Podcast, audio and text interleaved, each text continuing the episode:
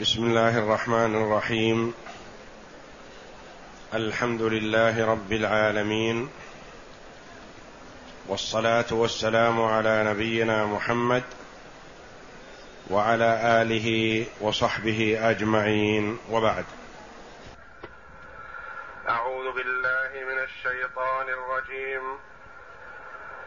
قالوا يا موسى إما أن تلقي وإما ان نكون أول من ألقى. قال بل ألقوا فإذا حبالهم وعصيهم يخيل إليه من سحرهم أنها تسعى. يخيل إليه من سحرهم أنها تسعى. فأوجس في نفسه خيفة موسى. قلنا لا تخف إنك أنت والق ما في يمينك تلقف ما صنعوا إنما صنعوا كيد ساحر إنما صنعوا كيد ساحر ولا يفلح الساحر ولا يفلح الساحر حيث أتى. فالقي السحرة سجدا قالوا آمنا برب هارون وموسى.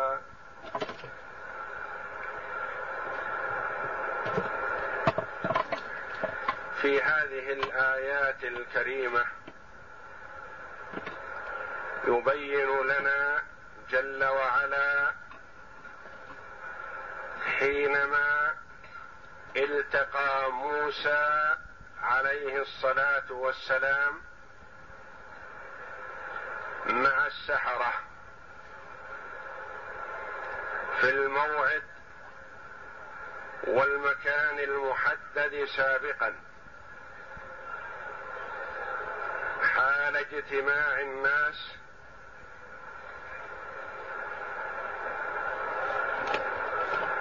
وبعدما أجمع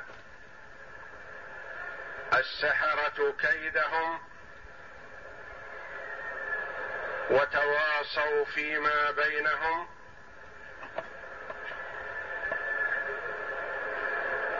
وعزموا على مقابلة مع, مع وعزموا على المقابلة مع موسى. قالوا يا موسى إما أن تلقي وإما أن نكون أول من ألقى هم في زعمهم وظنهم أنهم غالبون. فعرضوا على موسى الخيار. قالوا إما أن تلقي ما معك ثم نلقي نحن بعدك وإما أن نلقي نحن اولا ثم تلقي أنت ما معك بعدنا. وغالبا يقول مثل هذا القول من كان مطمئن بأنه غالب لا محالة. فكانوا يظنون الغلبة. وأن موسى لن يغلبهم وليس معه إلا أخوه. وهم من تقدم ذكرهم. ما بين السبعين من كبرائهم إلى ثمانين الفا كما قيل. وأقوال أخر بين ذلك. أنهم لا محالة غالبون. فلذا خيروا موسى. ولم يقولوا نستهم من يبدأ الأول بل قالوا له اختر أنت. إما أن تلقي ما لديك أمام الناس وإما أن نكون أول من ألقى. نلقي اولا ثم تلقي بعدنا. قال موسى عليه السلام بل ألقوا أنتم ألقوا اولا. لأنه لم يؤمر بالإلقاء من قبل الله جل وعلا. فهو مأمور ينتظر الوحي من ربه جل وعلا. قال بل ألقوا. ألقوا ما عندكم. فألقوا. ماذا ألقوا؟ حبال وعصي ملطخه بالزئبق وألقوا على عيون الناس التخييل والتمويه صار يخيل إليهم إلى الناس عامة من جراء هذا السحر ومن الزئبق الذي لطخ بها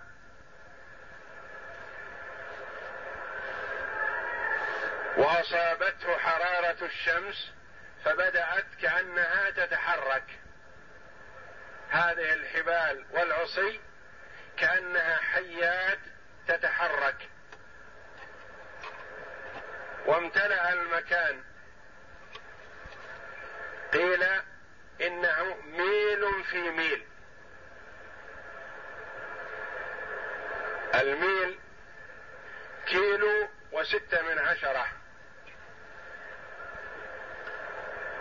ميل طولا بميل عرضا امتلأ بهذه الحبال والعصي التي أصبحت كأنها في مرأى العين مع التمويه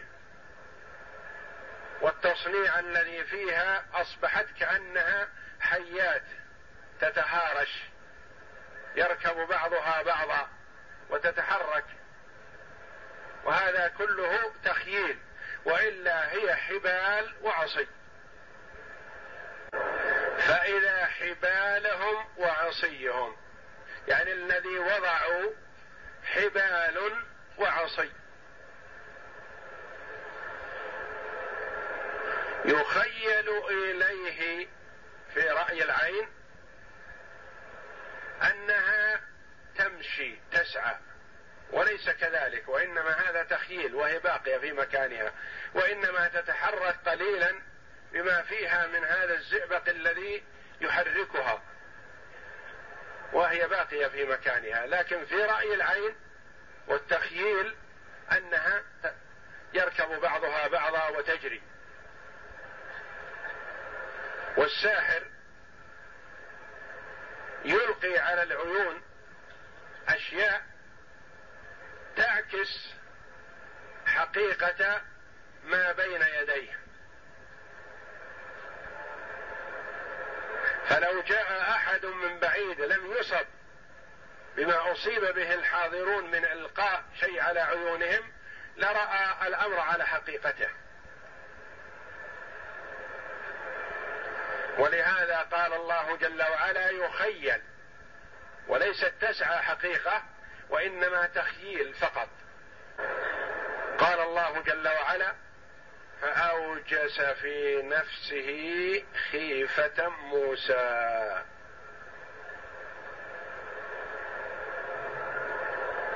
أوجس بمعنى أحس. في نفسه خيفة. ما هذه الخيفة؟ هل هو خاف من هذه الحبال وهذا العصي؟ بعيد هذا كل البعد. وإن كان قال بعض المفسرين بذلك. قال من الخوف الطبيعي أن الإنسان إذا رأى شيئا يزعج يكون عنده شيء من الخوف. لكن هذا بعيد. لأنه يعرف أن الله معه. ولن يصب بسوء لكن ماذا؟ ما هو الخوف الذي حصل عنده؟ نعم. حصل عنده خوف أن الناس يقتنعون بهذا السحر ويصوتون وينادون بغلبة السحرة قبل أن ينتظروا ماذا يلقي موسى. لأن هذا شيء مرجف. فخشي على الناس من الافتتان بما يرون. ويقتنعون بغلبة السحرة وينصرفون قبل أن يروا ما مع موسى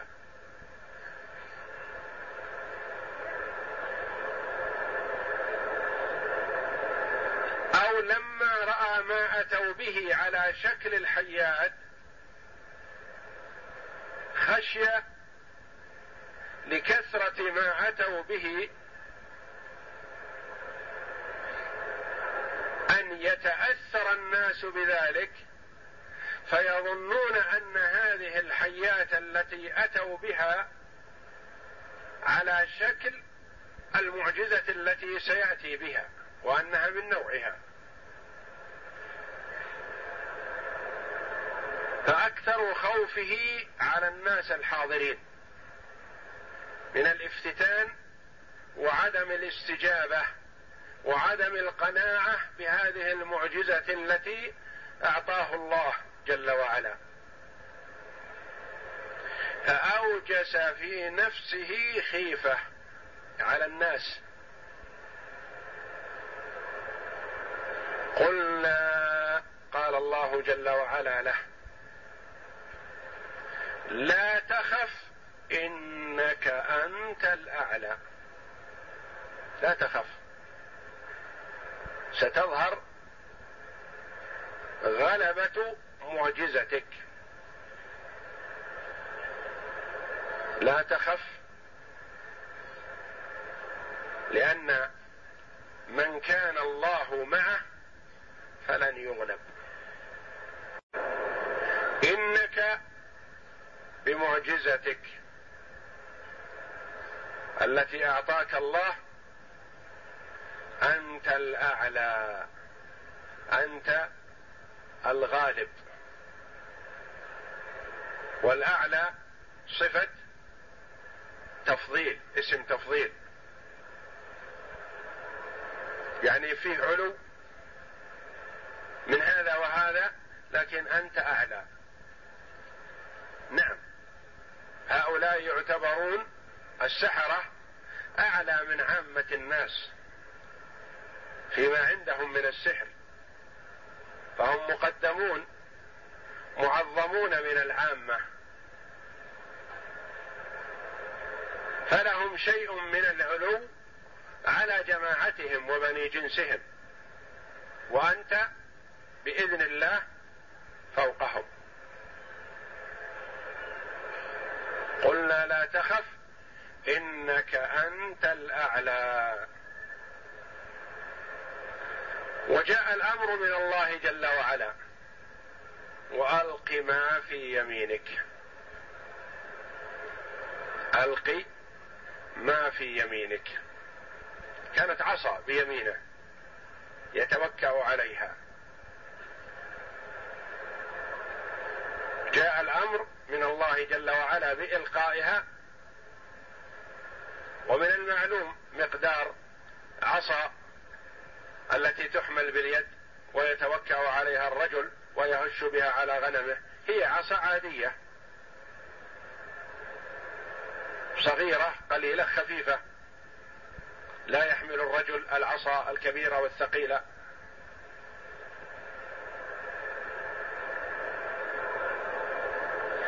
والق ما في يمينك. الق الذي في يمينك. ولم يقل ألق عصاك تفخيما لشأنها.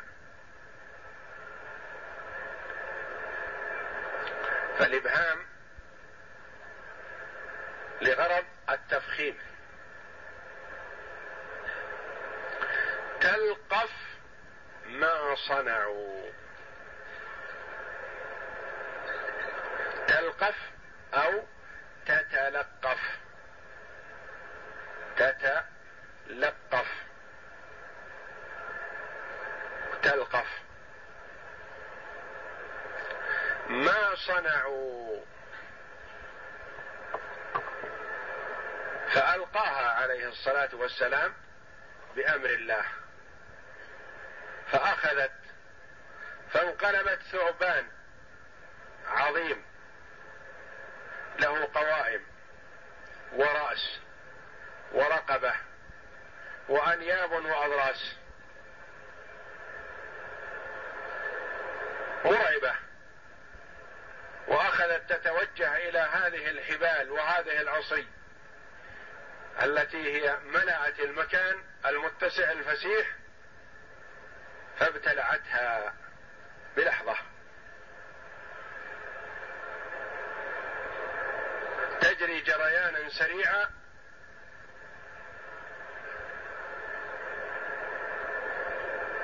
ودارت على ما في هذا المكان والتقفته ابتلعته.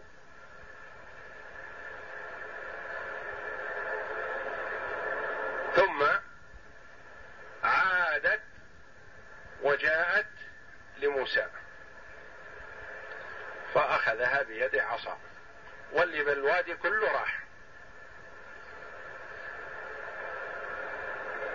منظر عجيب. وغريب. مستغرب عندهم. أدرك الناس ذلك. وكونها تجمع ما في الوادي أو تكون فوقه أو تجمعه إلى جنب. لكن أين ذهب؟ كل ما في الوادي راح. بأمر الله جل وعلا. ابتلعته وعادت عصا كعادتها السابقة كحالتها السابقة. منظر عجيب وغريب وملفت للنظر. أدرك الناس كلهم ذلك وخاصة من؟ السحرة. لأنهم يعرفون السحر. وأهل صنعاء. فرأوا شيئا لا يخطر على البال أن يحصل بقدرة مخلوق. ما يحصل. عند ذلك عرفوا الحق واضحا جليا. وبادروا بالسجود إلى الله جل وعلا. وأعلنوا إيمانهم بأقوالهم وأفعالهم. وهكذا الموفق إذا وقف على حقائق الأمور ودقائق الأحوال وحكيم حكمة صنع صنعة الباري جل وعلا آمن وأيقن بقدرة الله جل وعلا. ولهذا تجد الذي يقف على خفايا الأمور كالأطباء مثلا ونحوهم ممن لهم علم بحقائق الأشياء ومنشأها ومبدأها تجد الموفق منهم إذا آمن آمن ايمانا صادقا عن قناعة. وثبات وإيمان كامل بقدرة الله جل وعلا. والله جل وعلا يدعو عباده للتفكر والتأمل في كل شيء وخاصة في أنفسهم. وفي أنفسكم أفلا تبصرون. فالعاقل إذا جلس مع نفسه ساعة وتأمل فيما ركب الله جل وعلا فيه من المنافع والمصالح والأجهزة أيقن بقدرة الله جل وعلا الكاملة على كل شيء وحكمته العظيمة. فهؤلاء السحرة قبل ساعة. جاءوا للكفر والمكابرة والجحود. بعد لحظات مما رأوا بأعينهم وشاهدوه خروا لله سجدا وأعلنوا إيمانهم بالقول والفعل. فقدرة الله جل وعلا. اولا في هذه العصا الذي عملت ما عملت. ثم قدرته جل وعلا العظيمة في تقليب القلوب بهذه اللحظة وهذه السرعة. وكانوا من أشقى الخلق قبل دقائق ثم انقلبوا بإذن الله جل وعلا فصاروا من أتقى عباد الله. يقول ابن عباس رضي الله عنه في أول النهار سحرة كفرة وفي آخر النهار شهداء بررة.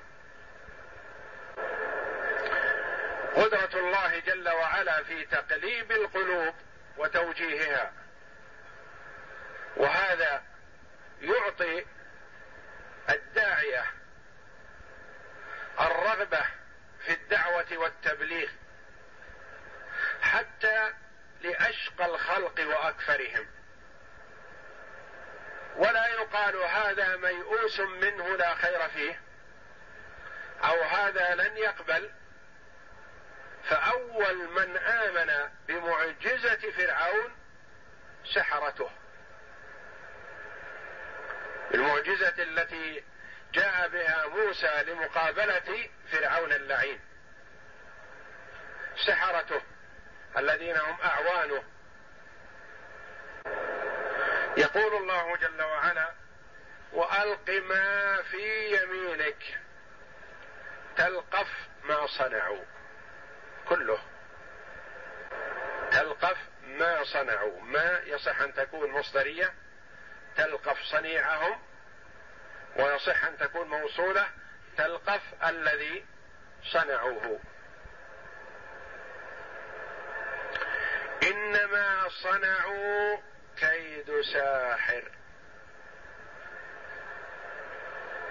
ما عملوه وصنعوه كيد ساحر. كيد. أتى به ساحر. والساحر لا يفلح أبدا. اينما حل؟ وليس هؤلاء السحرة فقط أو ما جاء به هؤلاء السحرة بل كل ساحر في كل زمان ومكان لن يفلح. ولهذا قال الرسول صلى الله عليه وسلم حد الساحر ضربه بالسيف. لا يمهل إنما صنعوا كيد ساحر. وكيد ساحر خبر. وانما إن الذي صنعوه كيد ساحر خبر لإن واسمها الموصول. على تقدير أن ما موصوله أو ما مصدرية تسبك وما بعدها بمصدر إنما صنعوا إن صنيعهم كيد ساحر. ولا يفلح الساحر. ايا كان في ذلك الزمان أو قبله أو بعده. لا يفلح الساحر أبدا. ولا يفلح الساحر حيث أتى قال الله جل وعلا فألقي السحرة سجدا.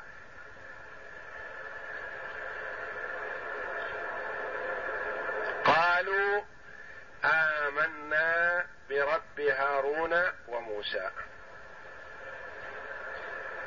جمعوا بين القول والفعل. ألقي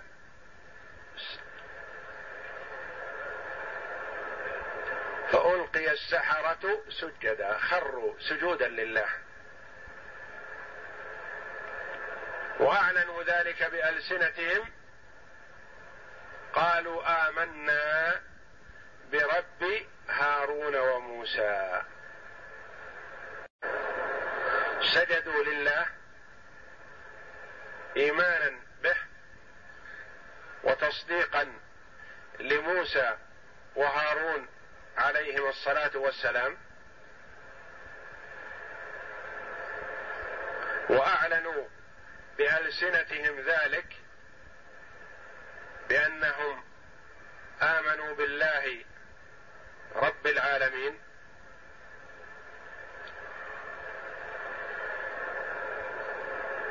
وقالوا رب هارون وموسى حتى لا يحصل لبس على العامة لأنهم لو قالوا آمنا بربنا لظن ظان أنهم على ما هم عليه على طريقتهم السابقة ربهم فرعون.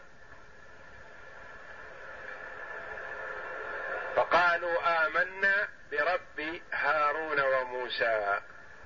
قال بعض المفسرين رحمهم الله ورد ذكر هارون قبل موسى وموسى هو الاصل في الرسالة وهارون تبع له رعاية لفواصل الآي المواقف. فمبادرة السحرة بالسجود إذعانا واعترافا بقدرة الله جل وعلا ووحدانيته وأنه المستحق وحده للعبادة. ويروى أن الله جل وعلا أراهم منازلهم من الجنة حال سجودهم لأنهم سيفتنون ويبتلون ويؤذون ويعذبون من أجل أن يصبروا. فأراهم الله جل وعلا منازلهم في الجنة حال سجودهم قبل أن يرفعوا رؤوسهم. وسيأتي غدا إن شاء الله ما دار بينهم وبين فرعون وإنكاره عليهم بسرعة الاستجابة لموسى. والله أعلم. وصلى الله وسلم وبارك على عبد ورسول نبينا محمد وعلى آله وصحبه أجمعين.